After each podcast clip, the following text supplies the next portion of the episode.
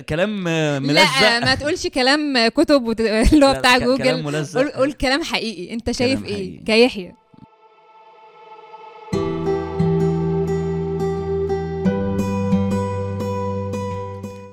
بيكم في حلقة جديدة من بودكاست فرق خبرة. حلقة النهارده عن صناعة المحتوى. وبما إننا هنتكلم عن صناعة المحتوى قررت إن يكون ضيفي صانع محتوى. بس بصراحة مش أي صانع محتوى بالنسبة لي لأنه حد أنا عاصرت تطو- تطوره خلال الأربع سنين اللي فاتوا. فخلونا نرحب بيحيى عزام اللي أنا مش عارفة أعرفه ك YouTuber ولا ككاتب. إزيك يا يحيى؟ الإنسان يعني يحيى الإنسان. يحيى الإنسان. آه، يحيى ال- ال- ال- ال- الحساس. يحيى يحيى الإنسان ال اشرب الشاي أول- عشان أنا حاسس إنك ما شربتيهوش. هو سكره يحيى- قليل ولا؟ لا سكره جميل والله, والله؟ أنا أنا بشربه كده. يحيى الإنسان أول حد قال لي فكك من حوار البودكاست. أيوه أصل أنت قلت لي أنا عايز أعمل بودكاست. ما سألتنيش عن التفاصيل يا يحيى. ما أنت ما قلتيش أنا عايز أعمل بودكاست عن كذا. ده زي واحد كده عايز يبدأ يوتيوب. آه، يا اسطى أنا عايز أبدأ يوتيوب. الجملة ما بتنتهيش هنا. يا اسطى أنا عايز أبقى مهندس. حلو حلو الموضوع ده لأن ده هو هو ده ال topic اللي هنتكلم فيه. إحنا هنتكلم عن صناعة المحتوى. أيوة. دي حاجة مهمة. حد جالك يقول لك يا اسطى أنا عايز أبقى مهندس. أيوه يا حبيبي مهندس إيه؟ ما هو المهندس اللي بيجي في التلفزيون اللي هو بتاع دور جوه ذاتك آه، إنجازاتك واللي على السد اللي هو أي واحد لابس خوذة هو ده بقى المهندس؟ أنا عايز أبقى دكتور. أيوه يا حبيبي دكتور إيه؟ ما في 40 قسم جوه. آه، هتبقى دكتور إيه بالظبط؟ إيه هدفك أصلا؟ أنت عايز تبقى دكتور طب أنت عايز تبقى YouTuber ليه؟ آه، لا أنت مش عايز تبقى YouTuber. أنت شفت واحد YouTuber مشهور آه، كل الناس بتحبه كل الناس جامدين فأنت عايز بقى إيه تبقى زيه أصلا عايز أبقى رابر وعايز أبقى YouTuber نفس الكلام اللي بقوله كل مرة. أنت عايز تبقى كل حاجة بس. لا أنت شوف الأول أنت عايز تعمل إيه أنت عايز إيه في الآخر فاللي هيوصلك ليه إنك تبقى YouTuber. فإنك تبقى YouTuber دي وسيلة إنك تبقى لاعب كورة دي وسيلة. ما واحد يقول لك أنا عايز أبقى غني. ماشي عايز تبقى غني. أنت ممكن تبقى حاجات كتير قوي عشان توصلك إنك تبقى غني. عايز تبقى غني إزاي؟ وبعد ما تبقى غني بقى هتعمل إيه بقى بعد ما تبقى غني؟ وهكذا. فأنت بتتكلم في الوسيلة مش في الغاية. كملي. أنا عايز أعمل بودكاست لا ما تعمليش. يا ريتك لي- قلت لي ما تعمليش. بس بس أقول لك على أنا مش حاجة. فاكر قلت إيه أصلا وقتها والله. دي كانت فترة كوم الزبالة بتاعتنا إحنا الاثنين الحمد لله. ربنا يعزك. آه يعني لا ده, ده مصطلح اتعرفت عليه بسببك عامة.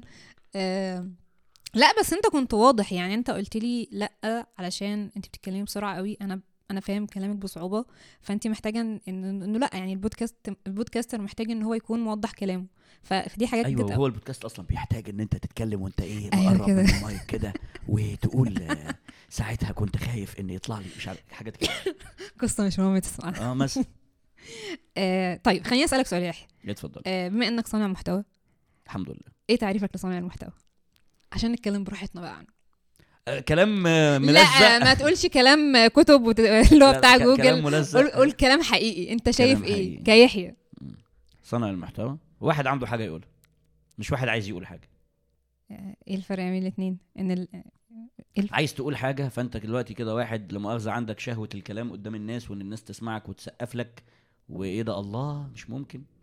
مم. لكن عندك حاجة تقولها فانت عايز تقول يعني في في حاجة جواك انت ما انت لازم تقول الحاجة دي. يعني في فرق ما بين انت عندك شيء تقوله أو ان انت عايز تتكلم فاللي بيتكلم من ال... وخلاص ده بيهري في اي حاجة. مم. هو عايز يتكلم فبيتكلم بيفضل يفتح في مواضيع ويجيبك من الشرق الغرب أو ساعات ببقى كده بصراحة. لكن عندك حاجة تقولها. لا يا جماعة إحنا طالعين النهارده عشان نتكلم في كذا. أنا في حاجة عايز أوصل لها من اللي أنا بقوله ده وده كان هدف قصة مش مهم تسمعها مثلا. لكن عايز يتكلم وخلاص ده اللي هو إيه طالع مساء الخير. النهارده أنا كنت عايز أقول لكم آه، إن مرسول آه، كان في كابتن في مرسول عايز يسرقني وضحك عليا في 80 جنيه بس أنا قفشته وأحرجته. ما طب أنت بتقول لي حاجة زي كده؟ ده بغض النظر إن أنا قلتها أهو. ده مش أنا يا رجالة. آه، ده ده ده تقليد لحد تاني. طيب آه، في 2019 أنت كنت بتعتبر نفسك صانع محتوى؟ لا خالص. إمتى بدأت بقى تعتبر بقى. نفسك صانع محتوى؟ والله هي جت معايا بالحظ. والله ما أعرف. الواحد ما بيمشيش يا جماعة ب timeline كده بسبورة اللي هو. أنا في سنة 2000 وتسعة- أنا مش المخبر سنة 36 كنت قاعد ساعتها بفكر على القهوة إزاي ابقى لا مش مع احترامنا طبعا لل المخبر الاقتصادي بعد أربع سنين عن ال startup بتاعت يحيى عزام. ده هي- هيعملها والله. إن شاء الله. يعني عندي إحنا اتنين. نكره عندي. نكره واحدة واحدة يناير 24 وواحده يناير 25 إن شاء الله. بس أنا عايزه أقول لك على حاجة يحيى. يعني في 2019 لما قعدنا أول مرة آه أنت كان عندك بلان. يعني الحاجات اللي أنت قلتها اتنفذت خلال سنة فعلا. والله؟ آه. مش فاكر والله بس أنا أنا حتى كلمتك بعدها بسنه قلت لك إيه ده برافو عليك أنت أنت فعلا عملت الحاجات دي. أنا أصلا وقتها ما كنتش متخيلة إنك هتقدر تعمل الحاجات دي كلها يعني كنت حاسة اللي هي حاجات كتيرة قوي وحاجات كبيرة وأنت أنت أنت حاجة دي في قصة مش مهم تسمعها فحاسة إن عادي إن أنا أقولها كنت بتتكلم عن المبلغ الكبير اللي أنت مستلفه من صاحبك فأنا- آه. فأنا قعدت أفكر هو هو إزاي أصلا قدر ياخد مبلغ كبير زي ده يعني مش من صاحب يعني يعني فكرة إن أنت أصلا تتصرف في مبلغ زي ده وإزاي إن أنت كنت قادر تتحرك بأريحية وتجازف في حاجة أنت مش عارف إنك هترجع الفلوس دي ولا لأ ما أنا بطبيعتي للأسف للأسف مقامر. ما ما بهزرش. أنا ما بشعر ما ب... أكتر شيء ممكن يكون بيخليني آه منتشي هو إني أخش حاجة المجازفة فيها ممكن توديك في داهية. وهي دي أك... أخطر حاجة ممكن أكون بعملها. اللي هو أنا كل ما بدخل في حاجة في حاجات رحت فيها في داهية. رحت فيها في داهية بجد. وفي قصص مش مهم تسمعها حاجات كتير أنا كنت أروح فيها وفي حاجات نهايتها مش سعيدة بس أنا حاولت ألعب فيها بحيث إن لا مخ- معلش خلي النهاية تبقى سعيدة سيكه زي مثلا قصة صاحبي الزبالة دي أنا في آخرها كنت هتقتل يعني. ففي حاجات كده أنا رحت. أنا رايح أسوان قريب بالمناسبة صحيح فأنا. أنا متخوف ومرعوب إن أنا رايح أسوان ومش هتحرك من الفندق أصلا خالص ولا هطلع من أي حتة وموضوع صعب جدا يعني المهم ف أنا كنت بقول إيه لا مؤاخذه آه، أنت كنت بتحكي عن حوار إن أنت بت- بتجازف عادي أو آه، المجازفة. بلغتك آه. فهو وبعدين برضو أنت لما يكون ظهرك للحيط فخلاص يعني ما, ما هي كده خربانة وكده خربانة فاديها. وأظن برضو بيكون يعني إيه هي هي مجازفة محسوبة برضو شوية. بس اللي هو فكرة إيه ما هو أنا ما خدتش مثلا 100000 جنيه رحت لعبت بيهم قمار. مم. 100000 جنيه وقتها يا رجالة لو أنتم ما تعرفوش كان ال 100000 جنيه عاملين تقريبا 19 جنيه ذهب. جنيه الذهب دلوقتي عامل 16000 جنيه فاضرب 16 في أنا 19. حاسه عارف دماغي في حسابات. كده ليه 16 في 20 بكام؟ ب 200 ب 320 ألف جنيه يعني تقريبا يعتبر كأني استلفت 320 ألف جنيه بفلوس دلوقتي مم. كان ساعتها 100 ألف جنيه تجيب لي آه، عربية مم. تجيب عربية إيه كانت ممكن تجيب رينو لوجان آه مانوال تاني فئة كانت عاملة 89 ألف جنيه وقتها يعني مم. الفكرة في إن وقتها كان أغلب الكلام بتاع مع واحد صاحبي اللي هو سلفني فلوس ده ما أعرفش أنا قلتها ولا لأ إن هو كان بيقول لي آه، إحنا هنجيب عربية. أوبر. أوبر واطلع ونشتغل بقى إيه. آه كنا هنجيب لانسر شارك. آه. سمعت القصة دي. آه هو كان هيجيب لانسر شارك آه، آه، top line 320 ألف جنيه. وأنا أشتغل عليها سواق. بس هو اتحرج لي إن أنا أبقى اسمي شغال عنده. وحس إن أنا آه، مش كفء كفاية إن أنا أسوق على دائري ولا إن ممكن يطلع عليا حد يثبتني. هو قال لي يلعبها سيف اللي هو يا أنت. كده كده موهوب ودمك خفيف وهتعرف تجيب الفلوس دي تاني وكده كده أنت مؤلف رواية فما تيجي. ما ما ها. طب أنت أصلا وقتها يا يحيى كنت عارف إن إن أنت لما تشهر ده هيكون طريق اسهل ليك عشان تنشر روايتك؟ آه طبعا. طبعا. ما هي للأسف ماشية كده. ده حقيقي. للأسف للأسف ماشية كده. وما تقدريش برضو تلومي دور النشر. آه عايزين يبيعوا. ما تقدريش تلومي دور النشر خالص. ولا تقدري برضو تلومي القارئ المصري لأن أغلب الناس يعني أي حاجة فيها عرض على جمهور ما طبيعي إن السواد الأعظم من الناس بينجذب للحاجات الفشار. يعني أنت يعني الشيبسي بيتاكل أكتر ولا ال ال الأكل ال healthy ولا الأكل الزبالة اللي بيتاكل أكتر؟ ما أكيد الأكل الزبالة. ما أغلب الناس حقيقي. بتحب ده. هي دي الحاجات اللي الناس بتستهلكها أكتر. مم. فالطبيعي اللي عايز يكسب أسرع بيشتغل في ده. ودلوقتي اللي عايز يكسب أصلا لازم يشتغل في ده. بس الفكرة في إيه؟ في إن زي ما كنت بقول لك نرجع تاني لحتة المخاطرة المحسوبة. أنا وقتها شفتها على إن أنا ما كانش في دماغي يوتيوب أصلا أنا كنت عامل حسابي إن أنا هبدأ gaming وبتاع وجبت كمبيوتر ب 35000 جنيه وقلت هبقى gamer وبتاع وأقعد ألعب وبتاع. حتى دخلت في حتة ابتزاز عاطفي كده للناس على جروب جيمز ميكس آه والله. والبوست لحد دلوقتي بيفضلوا يت- يتعمل له إيه؟ في الذكرى السنويه بتاعته. في في فبراير آه، من كل سنة. اللي هو السلام عليكم يا جماعة أنا إيه جبت؟ كنت رايح أخطب بس ما حصلش نصيب فرحت جايب كمبيوتر. ودي رسالة لكل الشباب إن إيه فاهم؟ لا ما تتجوزش يا ابني وروح هات لك كيسة هات لك كيسة gaming فكان ده اللي حصل فكان بي فدي حتة ابتزاز عاطفي رخيص يعني وأنا شاطر في الموضوع ده بالمناسبة. ما ممثل أنا حاسة إن إن الحلقة دي كان المفروض يحضرها سيرفست آه لا لا خالص خالص. رحت قبل كده بالمناسبة صحيح. حاسة إن إحنا ممكن. آه يعني حاسة إنك- حاجة شبه كده ممكن تبقى فيها مشكلة لأن أي هزار في حاجة ليها علاقة بالحاجات النفسية بتبقى ما كانت فترة 2020 برضه. بعد كده قلت وأنا جاي بعمل إيه هنا؟ أنا كنت قاعد على اللي هو group therapy كنت بتاعي 8 كل واحد عمال يحكي عن قد إيه حياته بائسة. فأنا لقيت نفسي فرحان فيهم اللي هو إيه ده؟ وأنا جاي عشان أبقى كده عشان الحمد لله أنا حياتي مش بائسة زي ده ده ده حصل له كذا ودي يا ساتر يا رب الحمد لله مش حياتي. خرجت مبسوط قلت هو مش ده اللي المفروض يحصل يحصل يعني. أنا مش حاسس إن أنا المفروض ده اللي يحصل يعني. اللي هو من شاف بلاوي الناس هنت عليه بل- بلوته طب ما أنا كنت فتحت صفحات حوادث مثلا وشفت بلاوي وحاجات. لا فحسيت إن حضرت مرتين ثلاثة بقى. يا جماعة خلاص يا جماعة إيه المشاكل دي؟ يا نهار أسود. الحياة اسودت في عيني تاني. اللي هو الناس. كلها لا بلاوي سودا يعني. إيه خليني أقول لك على حاجة بخصوص إن أنت بتجازف وكده. إيه الحلقة اللي فاتت في فرق خبرة كنت بسجل مع دكتور عمرو العوامري فكنا بنتكلم عن فكرة الشباب الصغير اللي بيروح يفتح startup طبعا دكتور عمرو ده مين ما يعرفش دكتور عمرو؟ قعد هو دكتور عمرو عنيف جدا مع الشباب يعني هو ضد فك... ضد الفكرة دي تماما. بس لما اتكلمنا في الموضوع ده أكتر هو طلع عنده مشكلة إن أنت تروح تفتح startup وأنت بس مش حامي نفسك عارف فكرة اللي هو أنا رايح أفتح startup وخلاص. ما هي أنا- ما هو ده بسبب إيلون ماسك أصلا. أيوه اتكلمنا ده في تفصيل اللي هو ما هو ده بسبب إيلون ماسك أصلا هو اللي. طلع اللي هو أنا أنا عايز أبقى entrepreneur أنا ما بكرهش حد في حياتي. والله العظيم قد إيلون ماسك. لو في حد أنا فعليا اللي هو إيه يا رب أدخل الجنة علشان أنا عايز أنا أنا أنا عايز أشوف الراجل ده أنا بكرهه كره العمى.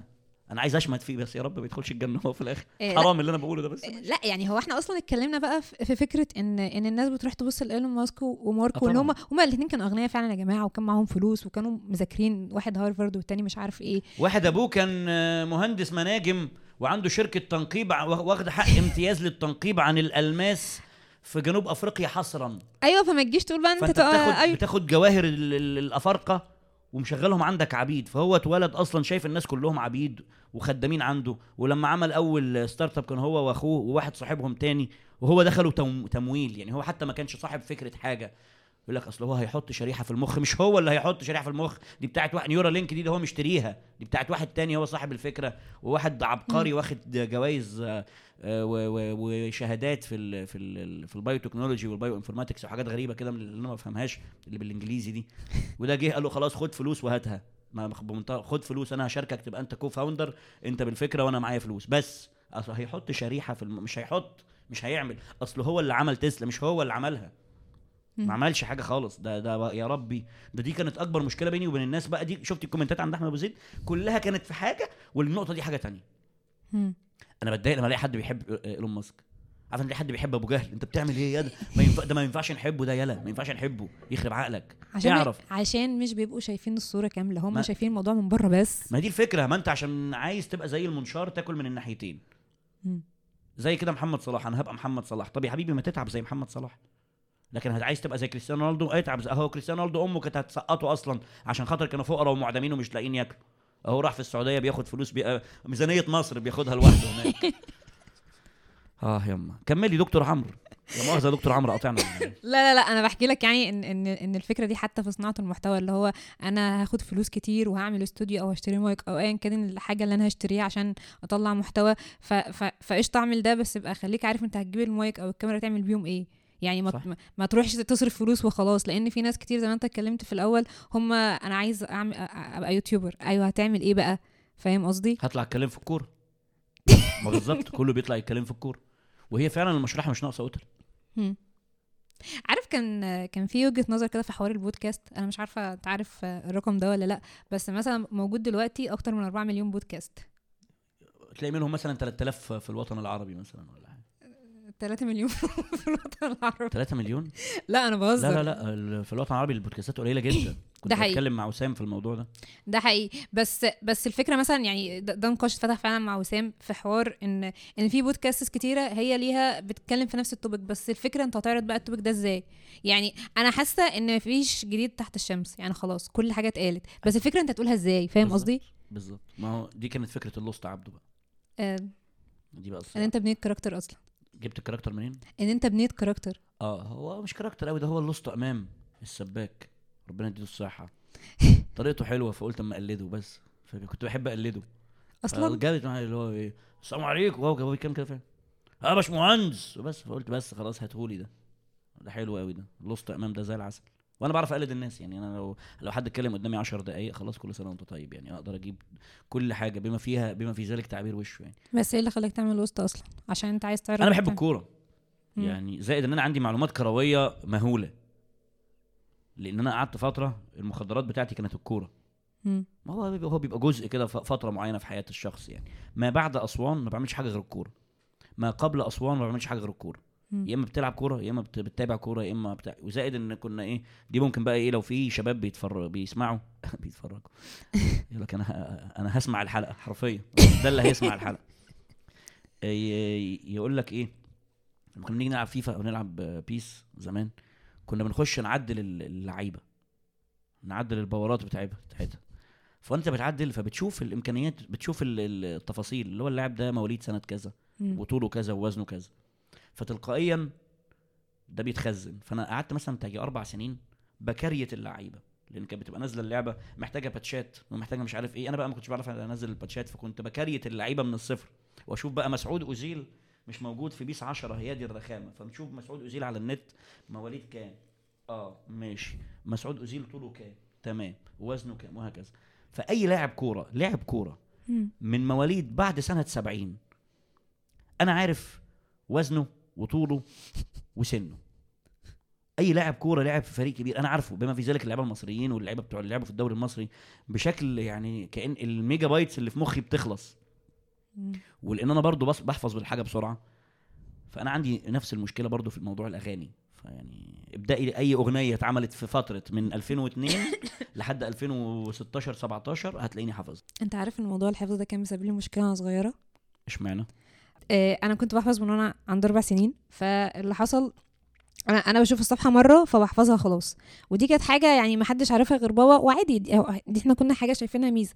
لحد سنة ستة كنت تشوفي الصفحة مرة؟ آه. ما شاء الله. آه، ببقى. يعني أنا أصلا حافظة القرآن بأماكن الآيات يعني بابا لما يجي يسألني في آية أنا عارفة الآية دي في يمين ولا شمال فوق ولا تحت هي قبل ربع ولا ما. شاء الله ف... فبعدين اللي حصل إن أنا في في سنة ستة كنت بختم خلاص دي كانت أول ختمة ليا آه، فأنا ما كنتش بحفظ في البيت زي بقية الناس أنا كنت بروح الدرس عادي وقبل ما دوري يجي أفتح أشوف أنا عندي تسميع إيه أقرأه مرتين خلاص أنا شاء كده تمام. ففي بنت راحت قالت للشيخ. فقرر إن هو من لا شيء يومها إن هو يسألني في 15 جزء ال- القدام. والمراجعة عامة بتحتاج مجهود أكتر من الحفظ يعني إن لأ-. لأنها حاجة محتاجة تثبيت. فضربني يومها علقة جميلة جدا عمري ما انساها. الغليظة زي بتاعت علي مبارك كده. مش عصا يا يحيى عارف فاكر خرطوم أبو حميد أحمر؟ موضوع العصا الغليظة ده في خم... في ستة ابتدائي؟ أحمد مش سامعنا. كان عنده خرطوم أحمر بيجيب آخر حد. في الأوضة. آه. والله العظيم كانت مثلا أوضة زي اللي إحنا قاعدين فيها دي وبعدين هو قاعد مكانه بيجيب اللي في الآخر. ف... ف... فأنا من ساعتها خلاص يعني ما ما ما عدتش بشارك حاجة زي كده دي المشكلة برضو من الحاجات اللي الواحد لما بيتكلم فيها بيتم اتهامه اتهامات آه، بايخة يعني. إن في دي حاجات دي, دي حاجات لا تصح يعني. ليه بجد؟ ما كانوش أيام النبي أكيد بيحفظوا القرآن بالطريقة دي يعني فاهمة؟ ده, ده اللي أقصده يعني.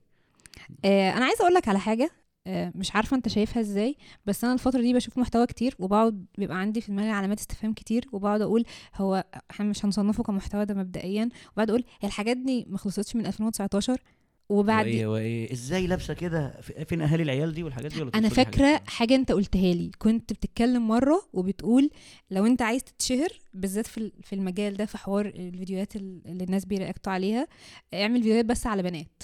طبعا. وهت share بسهولة جدا. طبعا. وفاكرة إنك وقتها قلت أنا عشان كده مش بعمل على بنات. ما مش فكرة كده.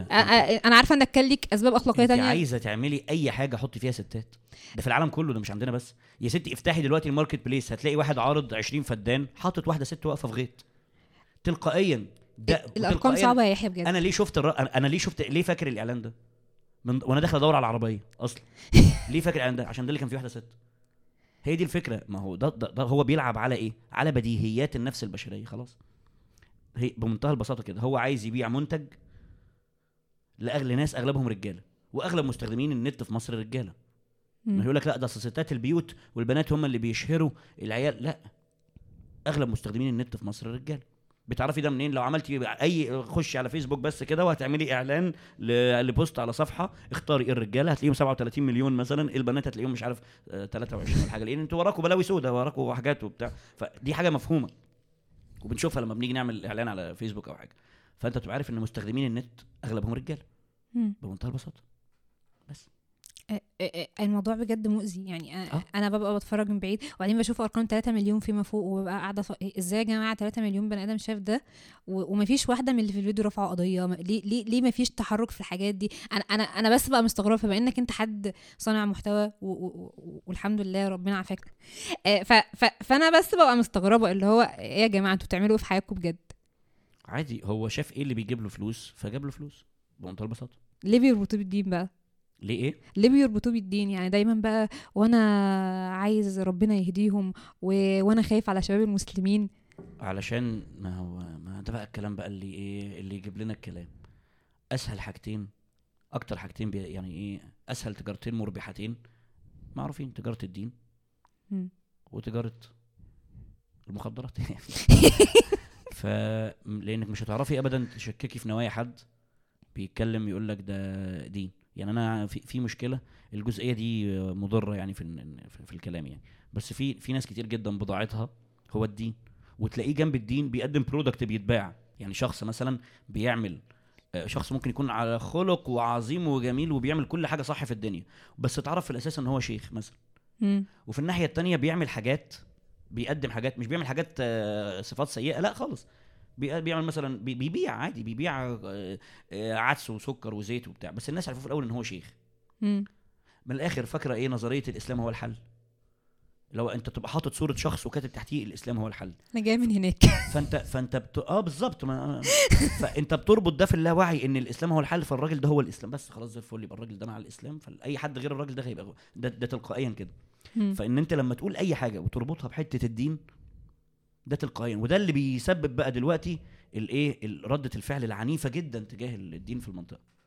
إن بقى في إيه تزمت وأي حد بيجي يتكلم في الدين عموما أنت بقول لك إيه ما تستشيخلناش وبتاع والكلام ده. فالموضوع جاب برد فعل عكسي تماما بشكل سخيف قوي. بقى فيه كمية سخط الواحد بكل ما يفتح الفيسبوك يلاقي إيه علم علم غريبة كده طالعة. اللي هو هو لا لشيء إلا لكراهيه في فكرة إن في دين.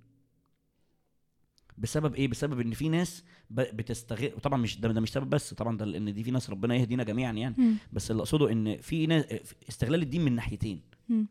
بال ال- التجارة بالدين والتجارة ب... ب... ب... بإيه؟ بكراهية الدين. بكراهية فكرة الأديان عموما. فالاثنين دول بيتاجروا بال... في الأساس بالدين. ما دول اسمهم تجار دين في الناحيتين.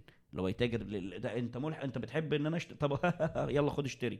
الله عايش share share share. أنا اتشهرت طلعت في التلفزيون آه، مضيت آه، عقد ست روايات آه، خدت هجرة برة سافرت كندا خلاص بس زي الفل. فكده هو تاجر بالدين واستفاد كل الاستفادة بأن هو عاش برة. والتاني نفس الكلام خد كل حاجة هوب راح عمل له حج وعمرة ومضى بتاع إيه وراح كاتب له كتابتين وحط صورته على الرواية وكاتب تحتيها الإسلام مثلا هو الحل وهكذا. فالاثنين دول بيتاجروا بالدين. بس على الأقل أنا أقدر أقول إيه الشخص التاني اللي بيتاجر بالدين بال... في الناحية اللي هو إيه لو هدت لو في ثلاثة أربعة تم إن هم إيه هداهم ربنا فدول ممكن إيه دي حاجة ممكن تشفع له في يوم من الأيام وممكن فعلا ما يكونش بيتاجر. فعلا. أصل أنت برضو دلوقتي أنت بتطعن في نوايا الناس. بس ده لو ربنا هدى اتنين تلاتة على... لو هو قال الاثنين تلاتة قوموا صلوا ففي اتنين تلاتة قاموا صلوا من ضمن ال مم. 40 مليون اللي اتفرجوا عليه في اتنين تلاتة قاموا صلوا فالحمد لله الراجل ده كده يعني هو هياخد ثوابهم يعني. ف أنا حاسس إن الدنيا اتشتتت خالص في الكلام بس اللي أقصده عموما فكرة التجارة. ما هو لما يطلع واحد على يوتيوب لما يطلع واحد يقول إيه أنا أنا عايز ربنا ربنا يهدينا جميعا ويهديكم جميعا هو كلنا عارفين وكل اللي بيتفرج عارف إن هو بيهجص. بس أنت هتلاقي برضه كومنتات اللي هو أنا بجد أنت شاب محترم جدا ويا ريت كل شباب يا ست الكل ده مطلع لك واحدة بترقص. ده مطلع واحدة بترقص في فيديو وبينتقد آه، ال- ال- ال- البنات اللي بتطلع ترقص. طب يا عم الحاج ما هم بيرقصوا من الستينات. أيوه. أيوه ما ده اللي مضايقني. ما, ما ال- ال- العهر من ال من 1920 ومن 1900 وط- من 1810 ومن قبل الميلاد وفي عهر وفي عري وفي وفي وفي. تيجي دلوقتي تكتشف إن في ده. ما ده موجود وده موجود. ولما تقف جنب البلاعة مش هتلاقي غير صراصير. وهنا وجب التنبيه إن أنا فعليا ما أقصدش إن اللي بيرقص صرصار ولا ولا ولا. بس أنا أقصد إيه؟ أنت واقف فين على الخط؟ فأنت هتشوف إيه إيه. ايا كان. أنت مكان وأنت واقف على ال... أو مكان نظرتك لل... للصورة هتشوف إيه هو البلاعة فبالتالي ما تقفش جنبها بمنتهى البساطة. في اللي بلعته ده يقول لك لا يا عم أنا ما أقفش أحبش الناس دي فبتاع فبالتالي كل اللي فيهم صراصير فما تبعد عنهم يا عم. فليه ب... ليه بقول كده؟ ل... أنا ما بحبش وصف البني آدمين بالحشرات بصراحة لأن أنا اتعلمت بال اتعلمت من حاجة زي كده لأنها إهانة دميمة جدا يعني وصف البني آدم بالحشرات تحديدا. ممكن أوصفه بالجمبري. تبقى حشره ثانية بس حشره طبعا حلو. أنا أحب الجمبري جدا بصراحة. المهم لا والله اللي أقصده إيه؟ اللي أقصده أنت ما تروحش تقف جنب مالها ليلي. بجد. وتدعو وتدعو الناس للخير. ما ينفعش. ما هو مش ده المنطق. مش ده المنطق. لكن تقدر تبقى واقف جنب مثلا إيه في محطة بنزين تدعو الناس آه ماشي يعني مفيش مشاكل. لكن ما ينفعش جنب مالها ليلي. وبس. طب أنت أصلا شايف إن صناعة المحتوى دلوقتي بتتطور ولا بتسوق؟ يعني ك ك ككونتنت يعني آه، أنا كده كده هي تتطور كفيجوال بتسوق طبعا. يعني ارجعي كده بالزمن ل 2013 و2012 مم. وافتكري وقتها كان عندنا انفجارة كده في المحتوى.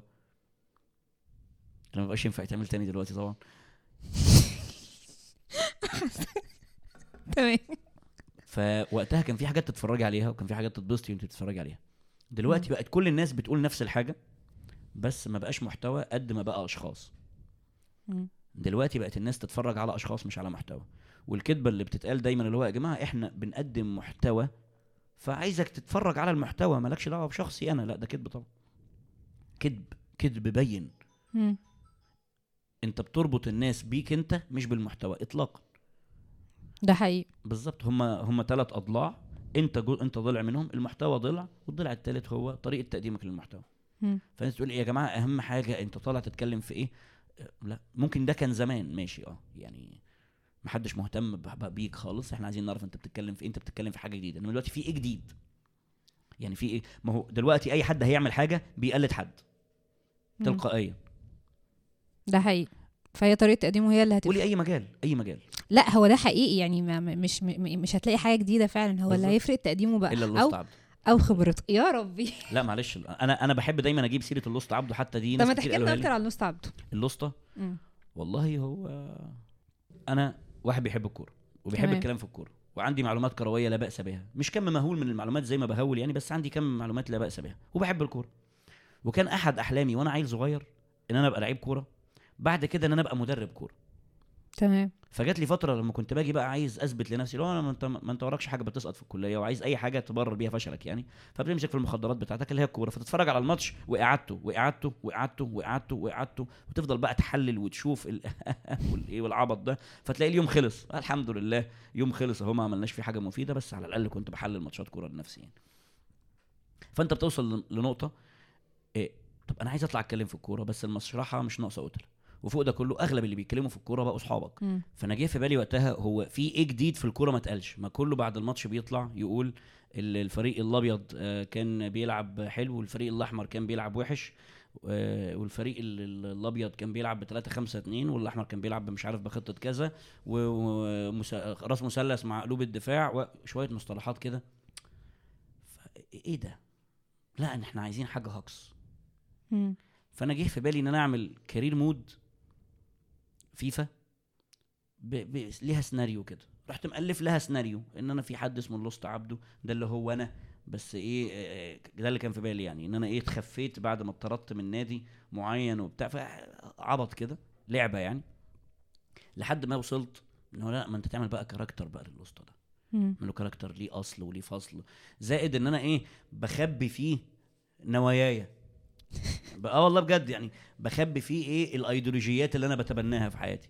فالأسطى ع- يعني أسطى عبده مثلا قومي أفريقي جد قومي أفريقي عربي جد مع الضعفاء والمهمشين في كل بقاع الأرض. معاه تقريبا مش عارف كام و60 جنسية من مختلف العالم. أي دولة تم احتلالها فغالبا الأسطى ساهم في استقلالها. ده بجد. أي دولة تم احتلالها الأسطى ساهم في استقلالها. من أول بقى السلفادور و... وبتاع والأرجنتين والأسطى مع كل الجنسيات دي زي الفل يعني. وكل الجنسيات الأفريقية ما عدا الجنسيات العربية عشان ما ينفعش تجمع جنسيتين عربيتين مع بعض. ما تفهمش الموضوع ده فاهم؟ هو زي إنك إخوات؟ آه والله. فده اللوسطى فدي دي ليها ليها ليها طعم كده إن أنت بتقدر تتكلم براحتك في الحاجة اللي أنت وفي نفس الوقت إيه اللي كان في بالي إن اللوسطى ده مش هيتشتم. لأن أنت بتشتم مين؟ ده أنت. طبيعي يا ابني ده ده, ده واحد عجلاتي. انت أنت بتتكلم في إيه؟ ده ده, ده لا شيء. أنت بتشتم في هوا. الأسطى مفيش حاجة اسمها أسطى عبده. فواحد يقول لك إيه؟ والله يا اسطى عبده أنت حمار مش فاهم حاجة. يا حبيبي اسطى عبده مين؟ أنت أنت مجنون. أنت فيك حاجة؟ طيب أنت كويس؟ أسطى عبده مين؟ فكان في دماغي في الأول إن أنت عشان تطلع تتكلم في الكوره لازم تقدم حاجة جديدة. لأن كل اللي بيتكلم في الكورة هو إيه؟ شخصيه من ثلاثة يا إما المحلل ال- ال- المحنك ال- الجامد ال- اللي فاهم كل حاجة وبيقول أصل ال XGFH 13 للاعب الفلاني لما كان بيعمل كذا أو التاني اللي بيتكلم على ال- النفسية بتاعت اللاعب. وإن اللعيبة دي بتحب المدرب ده علشان المدرب ده فنزلوا كانوا يا إما بقى التالت اللي هو ال... الهلاس اللي هو. بقى بيطلع أو الايه ال- ال- اللي بيحزق اللي بيحزق اللي هو إزاي فرقتنا مش عارف إيه الكيان والناس دي هي دي واحد من ثلاثة لأ طب ما تبقى أنت بقى إيه عم الناس دي كلها مم. اللي هو الراجل الكبير الكبره اللي لف آه. ودار. وإحنا بقى خلاص يا ابني جايين نهزر ونتكلم في الكورة يا حبيب الوسطى. وخلاص بقى ما خلاص يعني ما هنتكلم بقى وننبسط وبتاع ونفرح ونعلي الكاسيت وبتاع وحاجات بس خلاص كده. هات لي بقى اللوسطى فخلي بقى اللوسطى يستوي. زائد إن أنا أصلا لما بتعصب تلقائيا ببقى اللوسطى عبده. هو هو أنا كده. فهو اللوسطى عبده. هو أنا بكل أمراضي النفسية. بكل مشاكلي. أصلا؟ بكل جنون آه جنون العظمة وال و و و وحالات الجنون ال- المؤقتة اللي بتيجي للواحد دي اللي هو هو إزاي فلان؟ إزاي الناس دي كلها ماشية في الشارع وأنا صاحي؟ عارف أنت بتبقى رايح الامتحان وأنت مطبق؟ الناس دي كلها عايشة ليه؟ إيه الزحمة دي؟ جربت تركب المترو في الزحمه في... في... عارف الإحساس ده؟ لو الناس دي كلها عايشة ليه؟ صباح الخير هو مين اللي صباح الخير يا ابن ال... ما تجيب لك الكرسي يا عم. بجد؟ بجد؟ أنا آسف والله. فاللي أقصده إن أنت عملت بقى character فالناس ما بقتش حابة الكورة قد ما حابة ال character ده وهو بيتكلم في الكورة. ده حقيقي. بس كده. ودايرة تأثير الاسطى أكبر بكتير من دايرتي. وهنا أنا ما أقصدش حاجة بس أنا قاعد على القهوة ففي واحد باصص لي هناك ده يعرف الاسطى عبده ما يعرفش يحيى عزام. فدي يجي لما يجي يقول لي إيه ده؟ آه، ازيك يا اسطى عبده؟ أقول له حبيب قلب الاسطى تعالى ما ينفعش أقول له لا أنا ما اسميش الاسطى عبده أنا يحيى عزام. لكن واحد تاني عارف إن أنا يحيى وعارف لوسته عبده. لما يجي يقول لي يا اسطى عبده أقول له لا ما يا اسطى عبده يبقى ما تحترم نفسك ما أنت عارف بقى اللي فيها ما تبقاش بقى رخم. لكن واحد فعليا بجد في صنايعية بتتابع الاسطى عبده. في صناعيه في بجد آه، آه، أنا لما نقلت هنا الاستوديو آه، حارس العمارة كان بيتابع الاسطى عبده. وابنه الله بيتابع الاسطى عبده. أنا عايزة أقول لك أنا عرفت وسط عبده إزاي أصلا. أنا أكيد كنت- واحد زميلك قاعد مشغله جنب ال- وهو قاعد بيأدت أنا لقيت ثلاثة قاعدين في البريك وقاعدين يتفرجوا وأنا حاسة ان الصوت الصوت مش غريب عليا بس طريقة الكلام هي اللي غريبة عليا. فأنا رحت بشوف بيعملوا إيه فلقيتهم قاعدين بجد مندمجين قوي الثلاثه قاعدين جنب بعض ومركزين جدا. وأنا بعيني ماليش في الكورة فأنا مش فاهمة إيه- إيه- إنتوا إنتوا مشدودين كده ليه؟ فبعدين قلت لهم أنا أول حاجة خطرت في بالي إن أنت عامل سكتش لأن أنا أول كانت أول مرة اشوفه فبعدين آه، لقيت واحد زميلي بيقول لي لأ ده ده مش سكتش ده ده الاسطى عبده وبيتكلم بجدية قوي قلت له دي حاجة جديدة. قال لي لأ مش مش جديدة. وفتح لي بقى القناة قال لي شوفي ده مش عارفة عامل إيه من سنة و... وقعد بقى يشرح لي حاجات كتير. وأنا أنا ما كنتش عارفة يعني ما كنتش عارفة الشخصية أصلا إلا بسببهم يعني. وبحس إن إن ال audience بتوع الاسطى عبده مختلفين تماما عن يحيى عزام. وبحب الطريقة ال- اللي بتفاعلوا بيها مع ال content بصراحة. وبحب فكرة إن أنت فاصل الشخصيتين عن بعض. هو أنا وصلت لمرحلة إن أنا لقيت مثلا في معرض الكتاب وزير معين. أنت بقى الاسطى عبده البلف أوه حلو قوي. آه فاللي هو لا خلاص بقى ده الاسطى عدى مع اللي عدوا وراح مع اللي راحوا وخلاص. وده بقى عمل شيء من الإيه كنت عامل نوش أنت في معرض الكتاب. آه آه. ليه بقى؟ يا- أنا بصي أنا دايما بقول والله أنا أنا شخص محظوظ جدا. محظوظ جدا جدا وبفلت بأعجوبة من حاجات كتير كده. اللي هو عارفة أنت أنت عارفة في فيلم كان فيلم إيه ده؟ لو عارف أنت لو قاعد فيجي عمود نور يقع فأنت بتوطي فعمود النور وقع وراك. غبي منه فيه. آه عارف الكاركتر دي بجد. كنت قاعد مثلا في مرة على كرسي في في قهوة فيقوم جاي واقع آه، من فوق الكوبري لوح حديد جنب رجلك بالظبط. أنا حياتي كلها عبارة عن كده. أنا حظي حلو جدا في حاجات كتير جدا. أو. يمكن أنا اللي شايف إن أنا حظي حلو. ما كلنا بيحصل لنا حاجات زي كده بس أنا بركز قوي في الحاجات دي. فأنا حظي حلو الحمد لله. فبتيجي معايا. بالحظ في حاجات كتير. وبتلحق من حاجات من, من بلاوي كتير. أي نعم ببقى أنا اللي حاطط نفسي فيها ويعني بخلص منها برضو بنفسي بس بحظي. فالكلام كله في نقطة إيه؟ في نقطة إن أنا جت معايا بالحظ في إن اليوم اللي يكون فيه طابور توقيع يكون في حد يصور. قال لك. أطول طابور. هو ما أظنش إن هو كان أطول طابور. يعني أنا ما شفتوش أطول طابور. أنت بتبقى واقف جوه شايف ناس واقفة وخلاص. انت عامل زي كأنك بتفتح بت- بتقطع تذاكر لناس في في في السينما. فانت شايف آه في زحمة. ف ودي كمان كانت إيه كانت رابع حفلة توقيع. فكانت هي كانت خلصت. ده توقيع عم جابر؟ دي مركب عم جابر. صح؟ اللي هي أصلا ما بذلش فيها مجهود كبير لأن هي بالفعل عصمت له طبعا ال ال ال ال ال الفكرة كاملة. هو عصمت هو صاحب الفكرة كاملة في الأساس لأن هي كانت سلسلة على يوتيوب. آه فاكرة فعصمت ده. كاتب السلسلة كلها. بس كاتبها كيوتيوب كسكريبت يوتيوب وأنا قايلها كيوتيوب وحاطط في النص شوية إيه هزار وضحك. فهي عاملة mix غريب كده لو أنت بتتفرج طب أنا المفروض دلوقتي أترعب ولا أضحك ولا أهزر؟ فهي عاملة عاملة الإيه mix أهبل. كده. يعني هو mix مش أهبل هو أنت بتتفرج اللي هو في إيه, إيه, أما في إيه كده. كنت بحب السلسلة دي قوي بصراحة. يعني من أكتر السلاسل اللي أنا آه، اتعلقت جبت بيها. الرواية؟ آه. طب الحمد لله. لا جبتها من عصير الكتب وما رضيتش أجيبها مضروبة علشان. أنا ما يرضينيش إن. أصحابي أجيب. لهم حاجة مضروبة. جدع. المهم فهي الرواية آه لما جت اتكتبت قلنا بقى قصه إزاي اتكتبت ان هو عصمت بقول لك إيه تعالى هنكتبها وبتاع فيلا هو يكتب شوية أنا اكتب شوية والكلام ده كله. بس الفكرة في ان الحدوتة في الأساس بتاعت عصمت. الحدوتة في الأساس بتاعت عصمت بالكامل. ف ما بذلش فيها مجهود قوي يعني. اشاركك حاجة. أنا دايما بحس آه، يعني أنا بحب حكاياتك قوي ايا كان الحاجة اللي أنت بتحكي فيها أنا ببقى مشدودة ومنتبهة وعايزة أسمع وعايزة أعرف إيه اللي حصل في الآخر. عارفه إن أنت ممكن بجد تكون بتحكي على حاجة هي مش مهمة بالنسبة لي أو مش مهمة فعلا. أنا مش مهتمة بالموضوع ده. آه الحمد لله. فأنا آه، مؤخرا بدأت أربط ده بكذا حاجة. أنا بحس إن الناس اللي بتعرف تحكي حلو هم ناس مروا بتج- بتجارب أصلا قادرين إن هم ياخدوا منها حاجات يحكوا عنها. فاهم قصدي؟ لا عادي وناس بتعرف تكذب. يا الله أنت ليه مصر على كده يا. يحيى؟ لا لا عادي عادي فعلا الناس بتعرف تكذب عادي سهلة خالص. أنا أنا مش مع الفكرة دي يعني مش مع آه، يعني آه أو دي ماشي بس بس مش بالضرورة إن يكون بيعرف يحكي حلو إن هو كذاب يعني ده اللي أقصده. لا أي حد بيعرف يحكي فهو بيعرف يكذب. ده بمنتهى البساطة. ده هي هي, هي بديهيات. هو بيعرف يكذب. ليه؟ لأن هو بيبقى عارف إزاي يرتب الجملة. أصل اللي بيعرف يحكي ده بيعمل يعني بيعمل إيه؟ يعني ما بيتهتهش وهو بي بيحكي. يعني تلاقيه مثلا ممكن هو بيتكلم عادي يتهته لكن لما يجي يحكي تلاقيه استحضر بقى شخصية الحكاء. آه آه والله. فتلاقيه بيحكي بالراحة وتاتا لأن هو بيحضر للي هيقوله بعد شوية في الجملة اللي هو بيقولها بقى. اللي هو عايزه. فهو قاعد هو عارف إن هو ما ينفعش يغلط هنا وإنه لو. قال حاجة غير منطقية لازم يمنطقها كمان ثلاث أربع آه سطور من الحدوتة. فهي كده. فدي بتيجي بإيه؟ بالتجربة. هو try and error يعني فأنت جرب وهتعكها جرب وهتعكها بعد كده تلاقي نفسك لا عادي بتحكيها من غير ما ما تتهته مم. فنرجع تاني للاسطى عبده فالاسطى عبده وصلت لمرحلة إن أنا حابب إن أنا أقدم شخصية الاسطى عبده لأن أنا بحس فيها إن أنا براحتي قوي براحتي براحتي باخد راحتي. خالص كلوسط عبده ف بتكلم في الكورة حاجة بحبها وحاجة عمرها ما هتخلص. و وما أظنش إن الوسطى بيحلل كوره يعني وقت ما الناس تحب تحليل كورة تعالى نطلع على السبورة ونرسم لك بقى رسم تكتيكي بجد ونشوف اللعيبة بتتحرك إزاي والدنيا ماشية إزاي. لكن عايز بقى أنت ال- الأغلبية ال ال الحاجات اللي الناس بتحب تتفرج عليها فعلا أو على الأقل متابعين لوسط عبده الحاجات اللي هي فيها همبكة ودهلكه اللي هو بتاع إيه آه خالك الهراي.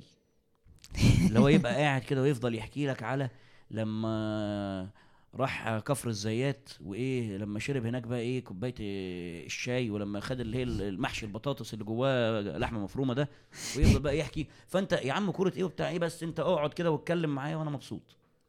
ده اللي استعب بمنتهى البساطة. بس فأنا بتبسط جدا كالاسطى عبده وفي نفس الوقت برضو إيه لا يؤخذ عليه لا يؤخذ عليا أي حاجة اقولها في الاسطى عبده ليه؟ ده ده الاسطى عبده مش أنا. بمنتهى البساطة. يا جماعة معلش أنا يعني أنا واحد مريض يا أخي استحملني. بس خلاص كده خلصت. آه، بمعنى كلامك إن أنت يعني المجهود اللي أنت بتبذله في الاسطى عبده بتبقى مستمتع أصلا كده كده لأنك بتتكلم في حاجة أنت بتحبها. إيه بقى أصلا نوع ال content اللي أنت بتبذل فيه مجهود كبير أو بتحس اللي هو هو أنا لازم أعمل ده؟ ولا أنت أصلا بتعملش حاجة زي كده؟ لا في بعض القصص اللي مش مهم تسمعها بتبقى متألفة من الألف للياء. عندي سؤال ابن الشركة دي متألفة من الألف للياء؟ ابن الشركة؟ لا مش من الألف للياء يعني هعدي أول عشر دقايق مثلا بس بس يعني كان كان كان في حاجة زي كده فعلا؟ اشمعنى؟ أنا جيت في النص أنا مش مستوعبة أنا لو ده حصل أنا كنت متنرفزة كنت بسمع الحلقة دي وأنا مسافرة وكنت في المترو وبعدين أنا جيت عند ال... إن هو اشترى عربية واتضايقت جدا اللي هو يا جماعة أنتوا إزاي إزاي ستك غيره ومحدش فيكم اتنرفز عليه؟ ما, وأنت ما قريتيش ال comments طيب؟ إيه؟ ما قريتيش ال comments. لا أنا كنت بسمع يعني ما دي حاجة أرجع لها تاني. بس بجد كنت متضايقة جدا. وبعدين أنت كل شوية تقول وافتكر إن دي قصة مش مهم تسمعها. وإن آه ممكن أكون بتكلم جد بس بهزر. واللي هو أيوه ما تقول لي أنت بتعمل إيه. ما هي دي الفكرة ما أنا لو قلت خلاص ماتت كده. صح؟ يعني أنا لو قلت لك فين السنيوره ما من اللعبة باظت. ببساطة يعني. فلا آه، اعرفيها لوحدك يعني. زائد إن مش الهدف من القصة إنها تكون حصلت ولا ما حصلتش. مش. ده الهدف. ما أنا بقول لك اللي بي- بيعمل محتوى لازم بيكون عنده حاجة عايز يقولها. فأنت عندك إيه عايز تقوله؟ فأنت. المفروض تعرف أنا عايز أقول إيه من فيديو زي ده. والفكرة في إن من كتر الحنيكة الناس اللي بتتابع يقول لك ده يحيى في الخلفية اللي ورا راصص الكتب اللي في فيديو كل إيه ده- إيه ده- إيه ده- إيه ده- إيه؟ علم فلسطين. والله بجد واحد كاتبها كده. اللي هو إيه؟ فوق كتاب أسود في النص كتاب في حتة حمراء والباقي أبيض وتحت رزمه ورق آه خضراء فيقول لك أخضر أبيض أحمر أسود. إذا علم فلسطين. لا علم الكويت يا أخوي. يعني ليه مش علم الأردن مثلا؟ ما هو حتة مقشوطة ما هو كانش مثلث يعني. وبعدين أنا مش معترف بالإعلام يعني بس ما علينا. هو أنت أصلا بتعد الحلقات بتاعتك ولا بتفتح المايك وت... وتنطلق وتعيش؟ يعني مثلا قصة قصة عزيزة دي ارتجلتها. مم. ارتجلتها. كلها؟ ار... آه ارتجلتها كده. مم. هي ما حصلتش خالص يعني ما فاهمة ده. حصلتش يا جماعة. الفها يا جماعة. ممكن تبقى رواية بعدين. لا أقصد أنت مش الشخص اللي بيكتب سكريبت و... لا خالص ما بعرفش بيبقى شكل عبيط قوي. عرفت الموضوع ده أول امبارح. لا! مش مش إن أنت مش مش ده. يعني لما كنت بكتب السكريبت بتاع البودكاست الجديد فوسام قال لي يحيى مش شخص بيقرأ. وأنا عارفة ده فهو قال لي إحنا محتاجين بس نكتب له points ونديله معلومات كتير قوي. وما نرميش إحنا إفيهات نسيبه يرمي إفيهات بطريقته. آه، أنت سيبيه نهري. آه فإحنا بجد يعني إحنا كان مثلا مطلوب, مطلوب إن إحنا نعمل نطلع 1000 1500 كلمة. فأنا كتبت 1000 وقلت له يحيى هيرمي إفيهات 500 كلمة. فوسام قال لي هو مش هيقرأ يعني المقدمة بس هيقرأها وشكرا وبعد كده هو هيعيش القصة. يعني إحنا فعلا مرتبين بس القصة مش أكتر. بالظبط. أنا بس عايز أعرف شوية معلومات وسيبينا نتعايش يعني مش مش هيبقى حوار. بس أنا بالنسبة لي إيه؟ مثلا فصل العبيد. مم. هي مش كده خالص؟ مم. اللي هي اللي أنا مخليها أصلا واجهة القناة اللي بيخش بيتخبط في فصل العبيد. هي مش كده خالص؟ هو بجد أنا كنت بتخانق ما اتخانقت في ال في ال في الطابور الصباح. مع عيل رخم جدا مش فاكر كان اسمه إيه حتى. مم. في تانية ابتدائي والعيال صحابه كانوا عايزين ياخد- ياخدوا مني الجزمة. حتى أنا دلوقتي مش فاكر هو ده حصل بجد ولا لأ. يعني في شوية حاجات من كتر ما أنا آه، بعد ما عملت القصة هو ده حصل بجد ولا لأ؟ مش عارف. أنا بجد مش عارف مش قادر أفهم كده. عارف أنت في حتة اتقطعت أنا مش عارف هو ده حصل بجد ولا لأ؟ هل فعلا اتاخد مني؟ أنت عارف من كتر ما. بتقعد تحبكها في دماغك؟ لأ أنا ما حبكتهاش إن ارتكلتها مرتين. وصدقتها؟ وما خلاص ما هو انت لازم تكون مصدقها وانت بتحكيها امال اللي هيتفرج هيصدق إزاي؟ لا انت جوه دماغك مصدقها يعني انت انت انت انت وصلت لمرحلة ان انت مش عارف ده حصل ولا لا. لأن دي حصلت وانت صغير جدا. انت كنت في تانية تالتة ابتدائي ده الكلام ده في 2002 ده كلام من 21 سنة فأنا أكيد فعلا مش هبقى فاكر ده بالتفصيل. لكن أنا فاكر إيه؟ ومضات تحديف الطوب. فبتستغل اللي أنت جت في عين الواد عبد الرحمن عبد عبد الناصر. مم. كان اسمه عبد الرحمن عبد الناصر ده أنا فاكره. والطوبة اللي جت في مش عارف فين. وال... يعني مثلا حسين وإبراهيم دول ولا ناقة ليهم في القصة ولا جمل خالص. حسين وإبراهيم دول حسين ده كان معايا في الفصل وإبراهيم ده اخوه الكبير كان مع أخويا في الفصل. بس وعلاقتنا بيهم إن جدهم كان صاحب المدرسة وأبويا كان مشتري من جدهم عمارة بس. أصلا؟ كان مشتري منهم بيت البيت بتاعنا بس خلاص. ده علاقتي بحسين وإبراهيم. بس إحنا لازم لازم معلش يا حسين تعالى يا حسين انت وابراهيم لازم يطلع في حد وحش يعني. فانا رحت مخليهم في فصل تاني بدل ما هم كانوا عيال اصغر مننا بسنة والخناقة بدل ما كانت ما بين ثالثه وثانيه بقت ما بين فصلين تانيين. حاجة كده يعني.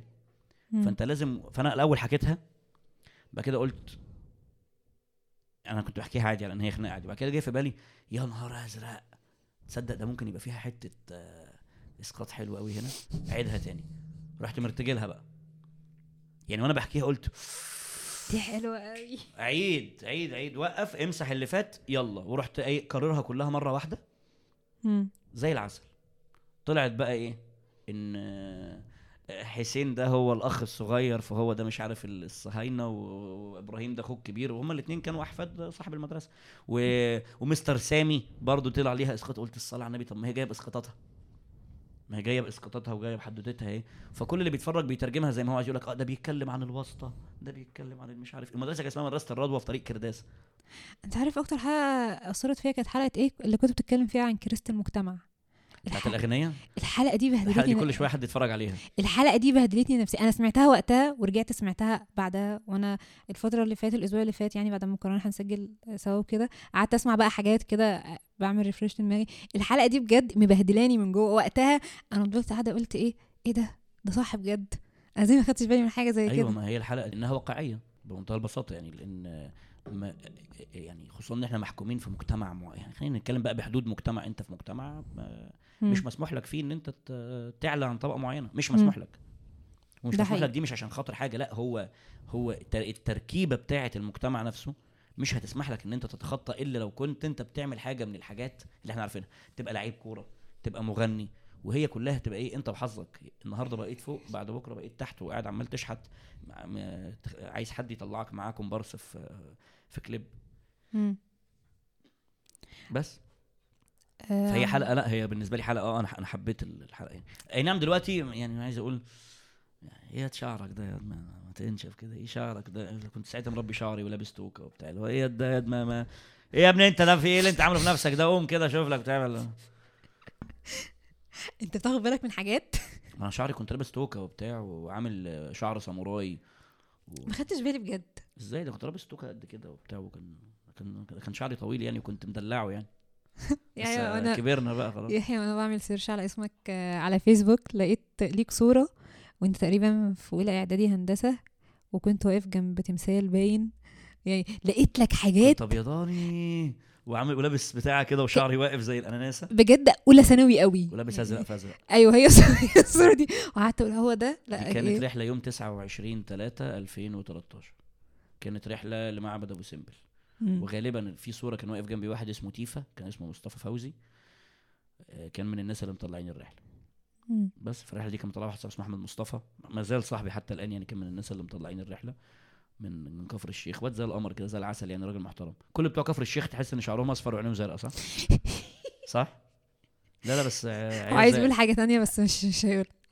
أنت بتسمع كنت بتسمع راديو كفر الشيخ الحبيبة؟ لا خالص. أوكي. خالص خالص. يعني بشكل يعني حتى أي حد بيجي يتكلم ي refer للنقطة دي ما ما ما ما بتفرجش لا يعني انت لما قلت كفر الشيخ ف لا عشان بس كان ليا أصحابي كتير كفراوية يعني وليا قرايبي من الحمول يعني ف... آه فهمت لا. ما العزاميه منطورين في كل حتة منطورين في كل حتة كده هتلاقيه في سوهاج وهتلاقيه في بورسعيد وهتلاقيه في كل حتة يعني.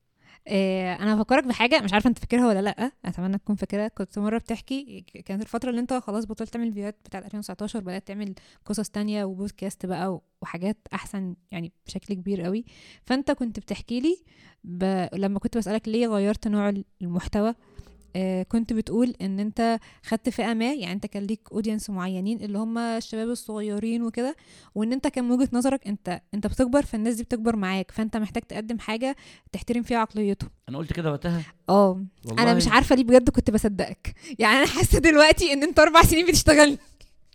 لا ممكن يكون وقتها. أقطع علاقتي بيك بعد الحلقة؟ لا لا والله. بس أنا مش مصدق إن أنا قلت كده. يعني أنا بقول أنا قلت كده فعلا. أيوه. يعني هل أنا كنت قاصد أعمل كده؟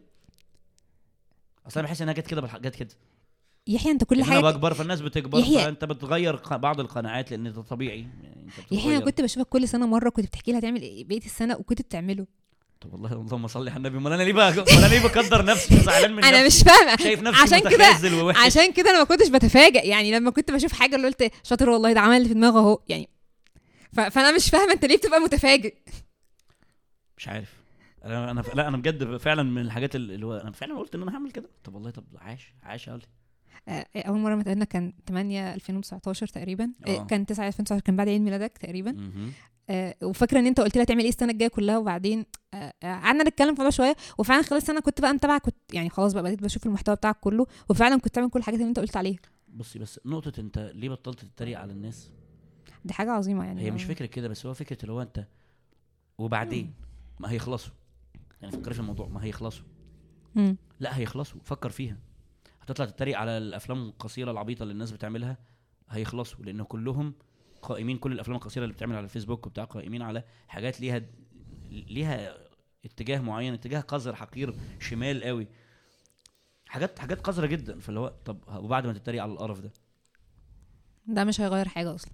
مش فكرة يغير ماشي هيجيب لك فيوز وهيجيب لك فلوس ماشي بس ده مش هيغير حاجة في الحياة يعني انت لو بتعمل ده عشان انت متضايق من من اللي بيحصل ده ف فثم ماذا يعني يعني ماشي بالظبط هي بتبقى كده فزائد ان في في نوعين من المحتوى بما انك بقى برضو بتتكلمي على صناعة المحتوى محتوى مبني على شيء ومحتوى قائم بذاته مم. المحتوى المبني على شيء هو أسهل نوع محتوى تقدري تقدميه فبالتالي أي حد بيقدمه بينظر ليه على إن هو كسلان يقول لك ده محتوى كسلان. زي إيه؟ المطاعم في مصر مش هتخلص. أنا ضد فكرة إن ده محتوى كسلان لأن لأ مش كسلان. أنت معتمد على شيء. فهتلاقي إن أغلب الناس اللي بتبذل مجهود في محتوى بتبذله في ده علشان خاطر يبين إن هو عامل حاجة. الموبايلات مش هتخلص. فهتلاقي إن كل بتوع محتويات ال- الموبايلات والتك عموما بيبالغوا جدا في ال... في ال... مش بيبالغوا بيظهروا الفيديو تتفرج على فيلم سينما. يحيى رضوان حبيبي بيطلع الفيلم بيطلع الفيديو 8K يحيى إحنا آه، بجد أنا آخرنا هنتفرج 720 1080 يا سيدي لو النت حلو. تمام. ليه 8K عشان ده لا أنا تعبت في الفيديو فلازم أطلعه إن أنا تعبت فيه. فدي أنا فاهمها. محتويات الكورة. ما الماتش الكورة مش هتخلص وماتشات الكورة هتفضل شغالة. فتلاقي الناس اللي بتتعب في الكورة لازم يكون ليه حاجة تعبان قوي فيها. يا إما بيطلع كل يوم بيعمل فيديوهين ثلاثة في اليوم فهو مش لاقي وقت حرفيا يتنفس فيه. بيتفرج على كل الماتشات وبيعمل كل فهو فعليا هو هو, خلاص لازم يتعب قوي علشان خاطر يفضل محافظ على نفس النوعية دي. يا إما بيعمل edit عظيم جدا زي آه، طيب الذكر ميدو شات كورة. الله يرحمه. يعني ميدو شات كورة. هو ما ماتش يعني بس هو هو ما بطل كورة بقاله كتير قوي يعني. آه، أو بيتعب في حاجة تانية زي إن هو عامل character وقاعد آه، قدام الكاميرا live ساعتين عاوج لسانه وعم بيتكلم بنبرة صوت معينة اللي هو اللوست عبده. فانت لازم تكون تعبان لأن ده محتوى مبني على شيء آخر. لو انت هتعمل المحتوى ده كده من غير ما تضيف فاليو جديدة يستحيل تنجح. يستح... مستحيل. اتشقلب امشي على الحيط مستحيل. طب هتقولي طب عادي هطلع أعمل فيديو كل يوم عن كل ماتش. مش هتعرف تعملها. لأن حتى الخانة دي اتاخدت. دي بقت بتاعت ممدوح. خلاص اتاخدت. مم. اتاخدت. مش هتعرف تعمل زيه. خلاص هطلع آه، أحلل وأجيب لعيبة وبتاع لازم تكون دارس. مم. ودي في ثلاثة أربعة أعمامك فيها مش هتعرف تعملها. لازم تضيف value مش هتعرف. ها هتضيف value إيه؟ طيب ده بالنسبة للكورة. المحتوى التاني ال react على التيك توك. ال value هنا في حد ذاته أو إن الحاجة نفسها إن في بنات بتقلع وبترقص. وإن في عيال سرسجية وبتاع. ماشي عيال السرسجية هنتريق عليهم مرة في الثانية في الثالثه هم عددهم قليل. وفي نفس بشكل أو بآخر لو انت بتعمل عليهم محتوى فانت بتشهرهم. زائد كلامك عنهم هيخلص. هتتريق على شعره على ضوافره على بتاع. طب ما يا ابني ما انت أصلا بتت- بتتضايق من العواجيز وكبار السن عشان بيتريقوا على شعرك وعلى طريقة كلامك وبتاع. فيعني انت فين؟ انت واقف فين؟ يطلع بقى التريق على لبس البنات بقى وإيه وانت إزاي ومش إزاي وانت وفين أهالي العيال دي؟ فانت بقيت كده إن انت بتشهر أو بتتتبع عورات الناس. أو يا سيدي بت بتباهي الناس اللي هو يا جماعة أنا أحسن منكم. بس خلاص أنا أحسن من الناس اللي بترقص دي. بيحمي حمى الإسلام. آه. بالظبط. أنا أحسن منكم يا جماعة اللي بترقصوا وبتعملوا. وإيه يا جماعة؟ شايفين يا جماعة كل الع- العريانين اللي بيرقصوا دول؟ آه أنا أحسن منهم. طيب يا سيدي شكرا. ماشي. فإحنا بقى جايبين لك العيال اللي داخلين يتفرجوا على التيك توك. مم. فدي لقطة. فده محتوى مبني م- محتوى سلبي محتوى أو مش سلبي محتوى مبني على شيء. طب المحتوى بقى اللي لازم يكون آه، انت اللي تكريته من الصفر. مم. دي صعبة قوي. يعني محتوى التاريخي آه، محتوى باسيف مبني لشيء. طب لا إحنا عايزين حاجة بقى يا معلم انت اللي تكريتها. مم. طيب محدش هيعرف يعمل قصة مش مهم تسمعها غيري. نقطة. محدش هيعرف يعمل character لوست عبده غيري. نقطة. ما مفيش حد هيعرف يعمل قصة مش مهم يسمعها غيري. الحمد لله. هتطلع تحكي قصص تانية هتحكي وهتبقى شاطر وهتحكيها بس عمرك ما هتعرف تعملها زي بتاعتي. لسبب واحد إن دي أنا خدتها خلاص. هي بجد هي بتبقى كده هي كده. يعني هو خلاص ده وضع يد أنا خدتها خلاص.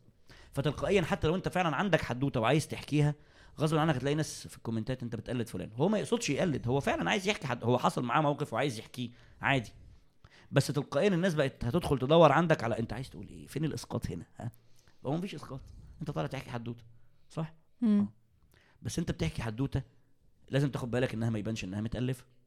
لانها لو بان انها متألفة مين قال انك مالفها انت ممكن جايبها من حتة. ما انت جايبها من حتة قريتها.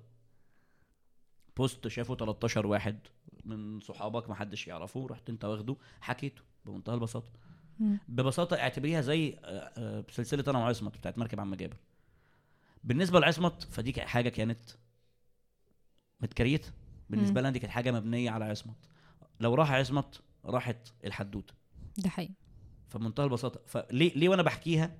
ما بحكيهاش بنفس الطريقة والأسلوب بتاعي وأنا بحكي مثلا قصة مش مهم تسمعها. أي حاجة في قصة مش مهم تسمعها. مثلا قصة عزيزة اللي متألفة بالكامل. بالكامل. من الألف للياء يعني. مم. وفي قصص في قصة مش مهم تسمعها واللي بي بيتفرج عليها حاسس إن دي م- حاسس إنها متألفة. في قصة تتفرج دي متألفة. أنت تشتغلني؟ ليه؟ لأن أنت مألفها كلها. مفيش فيها العامل اللي هو لأ ده يحيى هنا متأثر وهو بيحكي الحتة دي. مم. وهكذا. فهنا اللقطة. بشوف ال comment ده عندك كتير. اللي هو؟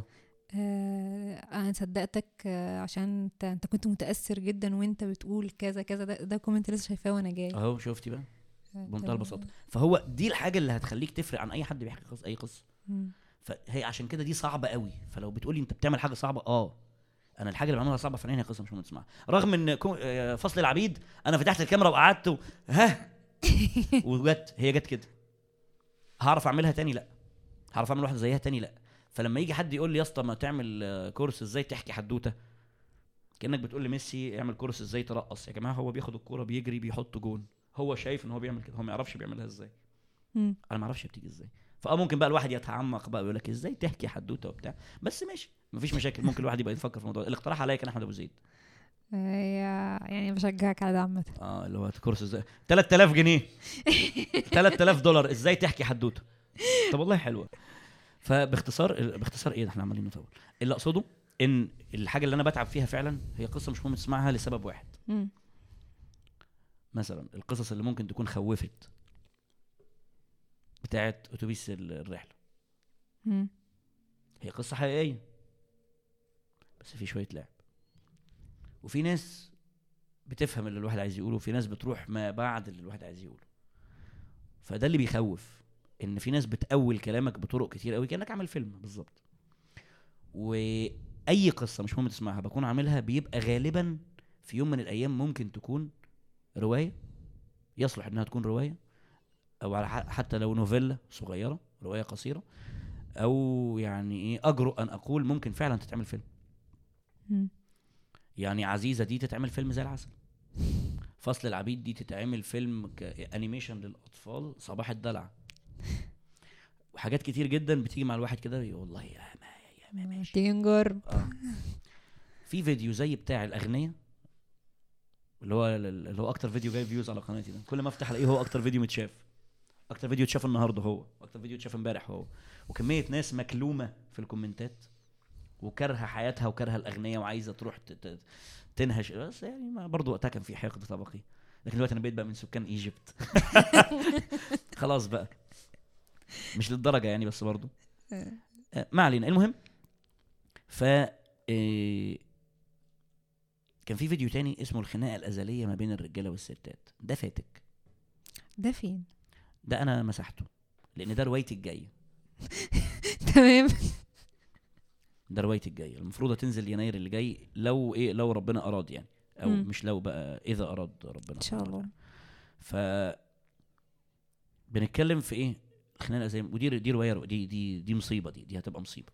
دي رواية. نازلة تعمل آه، وجع دماغ وهتجيب مشاكل وهتجيب وجع دماغ الله. خلاص. آه. آه. فهي آه نظرية الأوضة لنظ... لنظريات كتير بقى. انت عارفة نظرية الأوضة؟ أيوة. أنا حكيتها لك؟ يبقى هي. إيه ده؟ أنت أنت عملتها أصلا. أيوه. هي. هي. تمام. هي دي. بس كده. ماشي. فالصعب في اللي أنا بعمله أو الحاجة اللي أنا شايف إن أنا فعلا بتعب فيها هي قصة مش مهم تسمعها آه هو أنت مش هتعمل season جديد؟ هعمل. أوكي. ما هو يعتبر اتعمل بس مسمية حدوتة ملتوتة عشان بس تجديد الاسم يعني. أصل خدت قصة مش مهم تسمعها الجزء الثاني ما ما ما, ما تجدد يا اسطى عارف أنت الإحساس ده؟ يعني يعني مش مش عارفة بس أنت أدرى. ما هو في هديكي مثال بسيط. أي بروجكتايل أي مقذوف بيقذف بياخد ال- المنحنى ده صح؟ أي حاجة بتحدفيها بتطلع فوق وبتقع تحت. آه أنا فاهمة ده. كنت شاطرة في. الفيزياء آه. جميل. المفروض إن إحنا دلوقتي حدفنا حاجة محتوى. مم. المفروض إن أنت تفضل دايما أنت ال- الحالة المثالية إن هو يفضل دايما كده. مم. يفضل دايما في صعود. ده مستحيل. لأن. أي حاجة هتتحدف لازم تطلع توصل لأعلى حاجة توصل للتشبع أو أعلى الارتفاع بعد كده تثبت فوق لفترة بسيطة بعد كده تقوم جاية واقعة لحد ما تقع تحت تثبت تحت. أو يبقى زي المنحنى الجاي بيطالع نازل كده. جميل؟ مم. أنا دلوقتي مش عايزه ينزل. يعني أنا مش عايز اللي أنا حدفته فوق ده يقع مش عايز الطوبة دي تقع. فقدامي حل من اتنين. مم. يا إما أفضل أزقل طوب على حاجات كتير قوي. أفضل احدف حاجة فتقع مش مشكلة. أول ما حاجة تقع قوم جاي مطلع واحدة تانية مكانها. فكده ضمننا استمرارية. وفي حل تاني أجمل وهو إن أنا لما ألاقيها وصلت لارتفاع أنا ما أعرفش هو إيه اقصى ارتفاع لسه أصلا. أنا بعرف إن ده اقصى ارتفاع من لحظة ما تنزل. صح؟ مم. أنا بعرف منين إن ده اقصى ارتفاع ليها؟ هلاقيها ثبتت فوق وبتقع بس ده اقصى ارتفاع. لا مش عايز أوصل لاقصى ارتفاع. أنا لما ألاقيها طول ما هي طالعة أقوم جاي ضاربها بطوبة تانية. فهمت قصدك. فتطلع أكتر. أول ما الاقيها وصلت لإيه حلو. هي دلوقتي طالعة آه اضربها كمان ضربه إح- احدف كمان طوبة في الطوبة. آه، اضرب بلية في البلية. فتطلع أكتر. فيبقى أنت إيه؟ بقى الشكل كأنه عامل كده. بس أنت فأنت ضمنت إن الشكل النهائي والمحصلة النهائية إن هو طالع على طول لفوق. ف الناس كلها حابة قصة مش مهم تسمعها حلو. انهيها. حط حاجة جديدة. اخبط بحاجة جديدة. آه، متحمسة جدا أسمع حدوتة ملتوته بس ما أنا كنت منزل منها حدوتة والله بس سمعتها. بس كانت متكروتة قوي اللي هي بتاعه المسابقة. سمعتها. أحرقها لك؟ آه، أنا سمعتها وأنا جاي. والله أحرقها لك؟ عايز تحرقها براحتك أنا أنا هديك كل ده. والله؟ آه، براحتك يعني ممكن الحلقة كلها تنزل بكرة يعني ما حدش عارف. مش مشكلة أحرقها عادي أحرقها. اتفضل. هي مش حرقة قد ما إيه قد ما أنا إيه وأنا ألفتها كده في, في ساعة صفا. وأنا قاعد إيه أنت عارف ساعات الصفا بالنسبة لنا كرجالة بتبقى فين؟ بالنسبة لنا إحنا كرجالة بس ده عمرها دي, دي ما أظنش إن عندك آه بجد إحنا ساعة الصفا عندك انت كراجل وأنت في الحمام. أوكي. كل أنا بدخل الحمام بنوتة. والله ما بهزر. شفتي؟ أهو. بدخل بنوتة. عندي مشكلة أنا بيجي لي مع بعض. افكار أنا بيجي لي أفكار للسيطرة على العالم وأنا في الحمام. أنا جات لي فكرة أي ابلكيشن في دماغي وأنا في الحمام.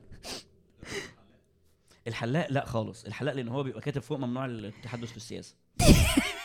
فساعتها خلاص وقفنا مخنا خالص يا معلم. قال أقول يا عم فتحي قول يا حبيب قلب يا عم فتحي. أنا كان نفسي أعمل حلاق وأسميه فتحي بس للأسف. كنت هكبر عم فتحي. بس قلت لا أسميه صالون غريب. عم غريب الحلاق ويبقى راجل إيه راجل آه، عارف أنت اللي هو مربي شعره ومخليه ناعم قوي ده.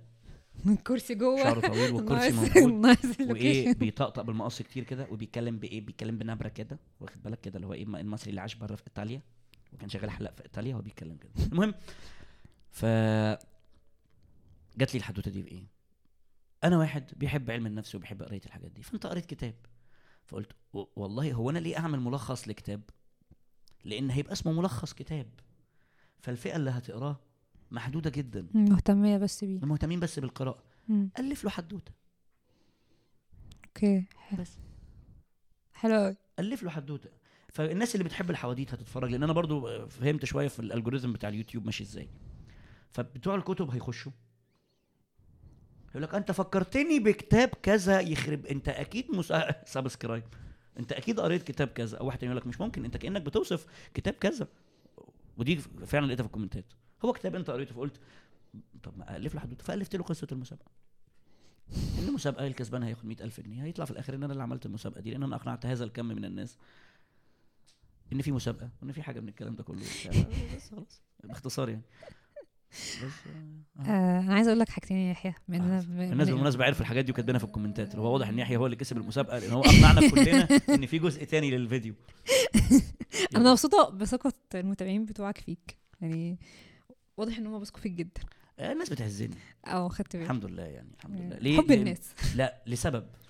هم شايفين فيك بني آدم. هي دي الفكرة. مم. وهرجع وأقول لك أنت لو كنت شفتي الكومنتات عند الفيديو بتاع أحمد أبو زيد؟ ملحقتهاش آه م- مش كل الكومنتات كانت بتهاجمه والله. هو هو هو فعلا ما كانش ي- بيكلمني وحش ولا حاجة. هو فعليا عارفة الشخص اللي لما بيركز أنا أنا لما بركز ببقى عامل كده. أنا في أي وقت لو جيت خدت لي صورة تلاقيني عامل كده.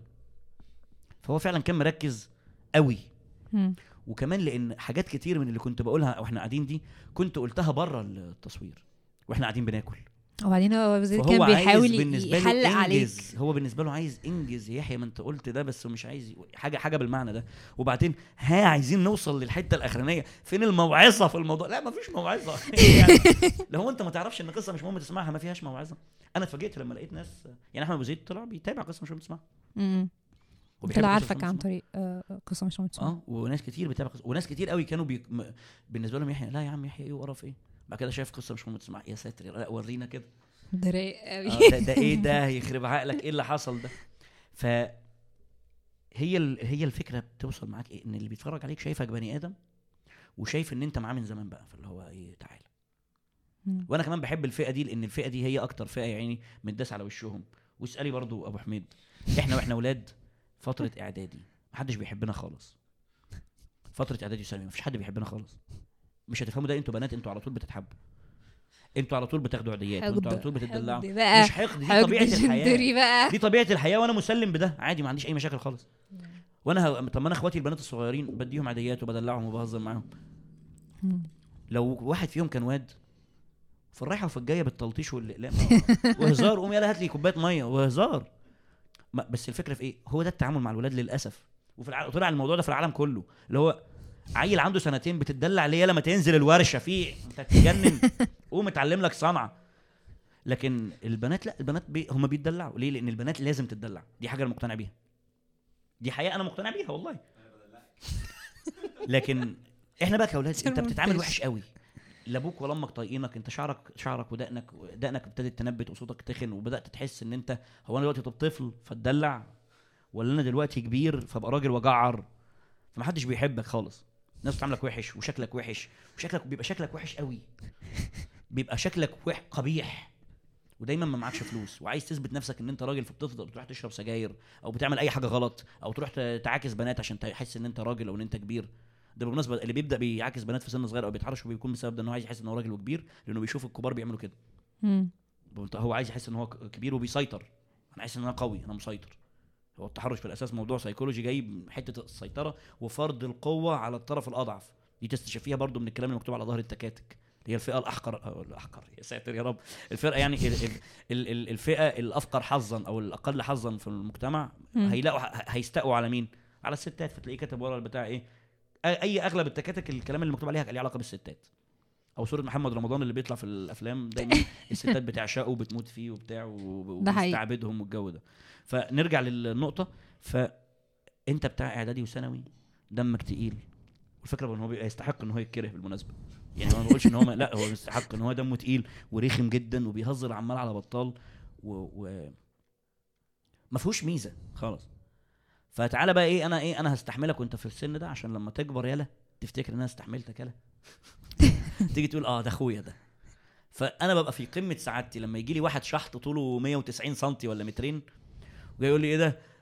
إزيك يا عمو؟ أقول له عمو مين؟ يالا يخرب بيتك يقول لي ما إزاي حضرتك؟ يا حضرتك مين؟ ده أنا اللي أقول لك حضرتك. فيقول أنا بتابعك من وأنا قد كده. بقول له ده كان من إيه من 200 سنة؟ يقول لي لا من ثلاث سنين. هو دلوقتي هو كان في أولى ثانوي بقى في أولى جامعة.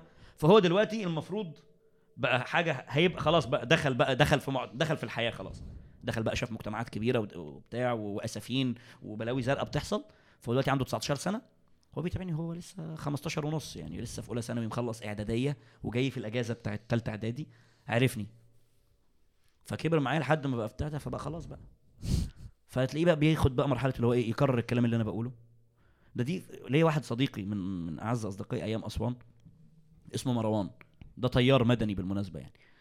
آه، ده ليه قصة جميلة هبقى أحكيها في قصة مش مهم تسمعها في حدوته ملتوتة بس على إنها بتاعتي. أنا بحرقها يعني. مش عارفة عارفة ما حملتش الحلقة دي مش هبقى عارفة. طب أسيبها ولا لا لا لا عادي عادي سيبي كل الكلام ده. فمروان آه، كان بيقول لي هو ليه أخ صغير أخوه بيحبني جدا وبيتابعني في أي حاجة بعملها. اخوه اسمه عبد الرحمن. فعبود بيتابعني جدا. العبودة بيتابعني جدا. فهو مروان بيقول أنا كل شوية ألاقي أخويا مغير حاجة في وشه. مغير حاجة في طريقة كلامه بيقول مصطلحات جديدة. وبيبقوا قاعدين كده مناقشة. هو يحيى هينزل حلقة كوم الزبالة إمتى يا رجالة؟ نقاش كده على جروب واتساب بيتناقشوا في الحلقة بيتناقشوا في اللوسته بيتناقشوا في مش عارف إيه. فبيقول لي أنا شايف تأثيرك في اخويا الصغير. مم. واخوه الصغير ده عنده كام سنة؟ 23 سنة. هو هو مش صغير خالص هو حاليا مهندس. مم. 23 سنة. وقاعد بقى مع أصحابه يا رجالة. بشوفها برضه في أخويا الكبير. أخويا الكبير بيقول لي ده زمايله في في الشغل. أخويا شغال برضه شغلانة في مكان كده كله ناس آه، كبيرة يعني. فبيلاقي صنايعية بتتابع الاسطى عبده. الفنيين اللي موجودين بيت- بيتابعوا الاسطى عبده. أخويا مهندس كهرباء في في منشأة كبيرة يعني. فبيتابع الصنايعية بي- عارفين الاسطى عبده. والمهندسين زمايله عارفين عارفين يحيى وعارفين الاسطى عبده. فأنا بشوف بقى في الحتة دي اللي هو الحمد لله. اللهم بارك الحمد لله. يعني بس. ربنا يبارك بجد يا يحيى. أنا عايزه أقول لك آه، ان امبارح آه، كان يوم عصيب جدا عليا وبعدين بالليل آه، صوتي راح. وبعدين كلمت صديق ليا اسمه رامي هو voice over أصلا فأنا مش عارفة أعمل إيه في صوتي. ف فرامي يعني قعد يقول لي على تمارين وبتاع وفي الآخر قال لي وانت هتسجلي حلقة مع مين؟ فقلت له يحيى عزام قال لي ما تقلقيش يا سارة يعني ما مش هتتكلمي. والله والله العظيم قال لي ما تقلقيش أنت مش محتاجة صوتك بكرة. فحز-. بس أنا عايزة أقول لك ان أنا صوتك امانه آه بس أنا عايزة أقول لك إن أنا انبسطت بالحلقة يعني كنت حاسة اللي هو هي قاعدة من قعدتنا بس متسجلة بس بنتكلم يعزك. آه، في حاجة بعيدا عن نظرية الأوضة اللي أنا مش بحبها بالمناسبة. ممكن أحب أنا مش بتحبيها؟ ان هي حقيقية بس لأن أنت شايفة إن هي فيها إهانة. لكن أنت مش شايفة الموضوع من كل الجوانب. أنا شايف إن بجاز دي لما أقرأها ما أسمعهاش بس آه، ماشي. يفرق معايا. ما بقتش أوضة بقى. بقت حديقة. أصلا؟ بقى اسمها مم، الحديقة. ما عادش في مدرج بقى وناس لا في بتنزل وناس مدرج بس اسمها بتطلع. الحديقة. آه،. نورتني جدا والله يا طب ما- مش عارفة أنا يعني أنت اللي نورتني بحكم إن هو البودكاست آه، تبعي. البودكاست بتاعك بس ولا إيه؟ ولا يعني. أنا ولا انت ولا أنا نورتك بحكم إن أنا بسجل عندك يعني مش مش والله هو عارف بس إيه يعني المكان المتواضع ال- الاستوديو اللي لسه ما طبعا كملش ده. طبعا طبعا طبعا. لا هو يعني هو لسه ما كملش والله. آه، والله جميل جدا ما شاء الله. يعني عارف أنت تحس تحس أنت دخلت إيه مكان فيه صنايعية. المفروض إن هي بتتعلق فوق. عارف. الله يسامحه آه، الله يسامحه. بالنا من المسامير. الله يسامحه. مفيش مسمارين على نفس الاستقامة. ما شاء الله. اللي عاملها. الله يسامحه. ما هو اللي عملها نقاش. قال لي أنا هاجي لك بالهيلتي يا باشمهندس. هاجي لك بالهيلتي ومش عارف إيه وبتاع. قلت له ماشي يا أستاذ محمد. بس للأسف بقى. فهجيبه بقى هو. يقفل لي كل الاخرام دي ويغير اللون لأن اللون ده قذر جدا مش حابه. دي لون رمادي قاتم. أو أسود. ادهن الحيطان أسود دي تبقى. أنا أنا في الشقة الأولانية كنت قاعد فيها كانت أوضتي لونها كله أسود. آه. والسقف في الشقة كله كان أسود. وبطريقة ما بعد ما خرجت من الشقة ورجعت تاني قلت وأنا إزاي كنت مستحمل القرف ده؟ بجد والله. فواضح ان أنا كنت بمر بفترة صعبة جدا في 2020 بشكل بشكل عصيب يعني. بس فدي هنتنها بقى. بلاش أسود. ممكن والله آه، رمادي. حاسة ممكن نبقى نسيب الجزء ده ونخلي الناس تختار معاك يحيى. والله؟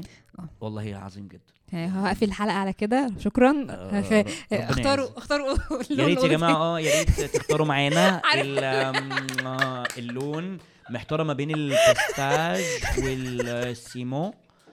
بس أنا بجد أنا من الحاجات اللي فاتتني إن أنا ما شفتوش على المسرح. أنا بجد متضايقة إن أنا ما حضرتلكش مسرحية. أنا برفض كمية آه، عروض إن أنا أطلع أتكلم تيدكس وبتاع. ده دي حاجة برضو ده دي حاجة لازم نقولها دي. عشان؟ برضو لو في حد أغ... أكيد أغلب اللي بيتابعوكي يا عالم آه، مهتمين بال أنت عارف إن. البودكاست اللي أنا كنت عاملاه تبع تيدكس من اللي نزل منه وخل- وخلص الحمد لله ده هم أصلا كانوا عايزين يجيبوك ضيف وبعدين ال video editor قال لهم يحيى عزام مش هيجي فهم قال خلاص مش هنكلمه. محترمين. ليه؟ طب انت ما سألتيش. أنا ليه ما بحبش أروح؟ آه ليه ما بتحبش تروح لأن أغلب اللي قاعد هيبقى باصص لك كده. مم. حد أنتوا مش شايفين يا جماعة؟ بس يحيى باصص فوق يعني. آه، يعني هو الناس بتبقى باصة فوق يعني. الناس باصة فوق. مم. ولو انت طول ما انت قاعد في مكان تحت وباصص على حد كده انت عمرك ما هتستفيد. انت عمرك ما هتشوفه. من الآخر ما تحطنيش في مكان إيه ت- ت- ت- ت- تقوي فيه جنون العظمة عند الإنسان. وتستناني أكون شخص طبيعي. أنا لما أبقى واقف فوق وشايفك تحت أنا هو الوضع كده أنا فوق وأنت هتبقى تحت. فطول. ما أنا فوق وأنت تحت أنا عمري ما هشوفك غير تحت. فأنا عمري ما هكون موجود في مكان. أنا واقف فيه فوق وأنت تحت. غير لو على الأقل ابتديت أحس إن أنا أنا بقيت في مكان يسمح لي إن أنا أقول حاجة أنت هتتعلم مني حاجة. لكن أنا طالع أقول إيه أنا جيت معايا بالحظ يا رجالة. خدت 100000 جنيه عملت قناة وبتاع والحمد لله. كل حاجة بعملها بتطلع صح. لأن ده اللي أنت بتشوفه. في بلاوي زرقاء ورا. مش لازم أحكيها لك. بس الحمد لله. هطلع أقول بقى أنا حظي كويس؟ أنا حظي حلو؟ فهمت قصدك. دي بالنسبة لي أزمة. هطلع بقى أصل هطلع أقول إيه؟ عن صناعة المحتوى. مم. لا سيبك من ده. ماشي. ده هنا عشان ده بودكاست لا عن لا المحتوى. فهمت قصدك. أنا فاهم قصدك والله. واحد يقول لي إحنا إحنا اتحاد طلاب هندسة هندسة جامعة كذا ولا هندسة بتاعت جامعة خاصة كذا وجامعة خاصة كبيرة. كبيرة كبيرة يعني. اللي هي الثلاث حروف إنجليزي دول. فأقول أتكلم عن يعني ال career shift بقول له هو فين ال career أصلا بتاعي عشان يبقى فيه shift أنا جاي بتوع هندسة أقول لهم يا جماعة أنا قعدت 10 سنين في هندسة بمزاجي عشان شايف إن الهندسه دي ملهاش لازمة. ده مش حقيقي. لأن هندسة اللي يقول إن هندسة ملهاش لازمة ده ده أنت تاخده 13 له. واللي يقول لك إن التعليم ملوش لازمة تاخده 13 له. بمنتهى البساطة. آه إحنا هنا في مصر كأننا بنتعلم. بس معلش كأنك بتتعلم خلص اللي ك... خلص الكأن ده واطلع. اتعلم بره. لو انت مش قادر تطلع تتعلم بره ما تقوليش لا مش هتعلم. لا اتعلم يا اخويا. اتعلم يا اخويا. لكن هتيجي بقى طب أنا جت معايا بالحظ في حاجة تانية. هقول لك إيه؟ ما سيب هندسة و... وفاهم كورس برمجة. خش بوت كامب بنص مليون جنيه. أنا ليه واحد صاحبي عامل كورس آه، حاجة boot camp محترم كده بنص مليون جنيه. بياخده بالدولار طبعا. لا ده ساعتها كان 12000 ونص يعملوا نص مليون جنيه. دلوقتي آه، 12000 ونص يعملوا كام؟ 12000 ونص دولار.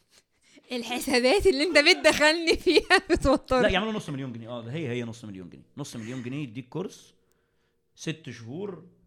اطلع بعد اعمل إيه بقى؟ انت ست شهور بايت في ال في ال في ال camp ده. آه. انت بتعملش حاجة انت بتصحى تقعد بتتعلم. انت بتتعلم إيه؟ من الآخر كأنك بتاخد آه، جرعة مكثفة من الدراسة. بس. وهي منطقية. هو أي حد يقدر يخلص هندسة كلها ايا كان القسم في ست شهور. بس في ست شهور انت ما بتعملش حاجة غير انت بتنام وبتصحى تذاكر وتطبق. بس. يعني تط- تطبق اللي انت ذاكرته. ما بتعملش حاجة غير كده. فآه ست شهور كفيلة جدا إن أنت تخلص أي حاجة إلا الطب طبعا يعني. تخيل تقعد إيه معلش. انت فيها غلط دي. أنا شكلي شلت البنكرياس بالغلط. يا رجالة. انت حلقة واحدة انت؟ حلقة واحدة مش كفاية عليك. آه والله. كله بيقول لي كده. والله العظيم. لسه عندي حلقة مع مع اشتري مني. هتسجلها يوم الاثنين إن شاء الله. أخيرا. يا يا والله أنا زهقت من كتر ما هم كانوا بشوف. عمالين يأجلوها علشان خاطر تبقى حلقة مصورة. مم. آه عشان هما بيصوروا. دي حاجة كويسة جدا. آه هم كانوا بيأجلوها لحد ما تبقى حلقة مصورة لأن آه. تسجيلا بس هم لأ هم شايفين إن لأ برضو إيه هيبقى في رونق كده دي الحلقة كويسة. تبقى بتاع آه فالحمد لله. طب حلو. يعني الناس. هتتبسط جدا. آه ربنا يعزك والله. ربنا يخليك. ليه لأ؟ والعلم عند الله. كل سنة وأنت بخير وانت بالف صحه وسلام. شكراً. طب وكده وصلنا لحد آخر الحلقة بتاعتنا. ما تنساش تعمل like و subscribe وتدوس على الجرس والكلام بتاع ال- ال YouTubers ده. انت بتقفلي الحلقة إزاي في مش هقدر.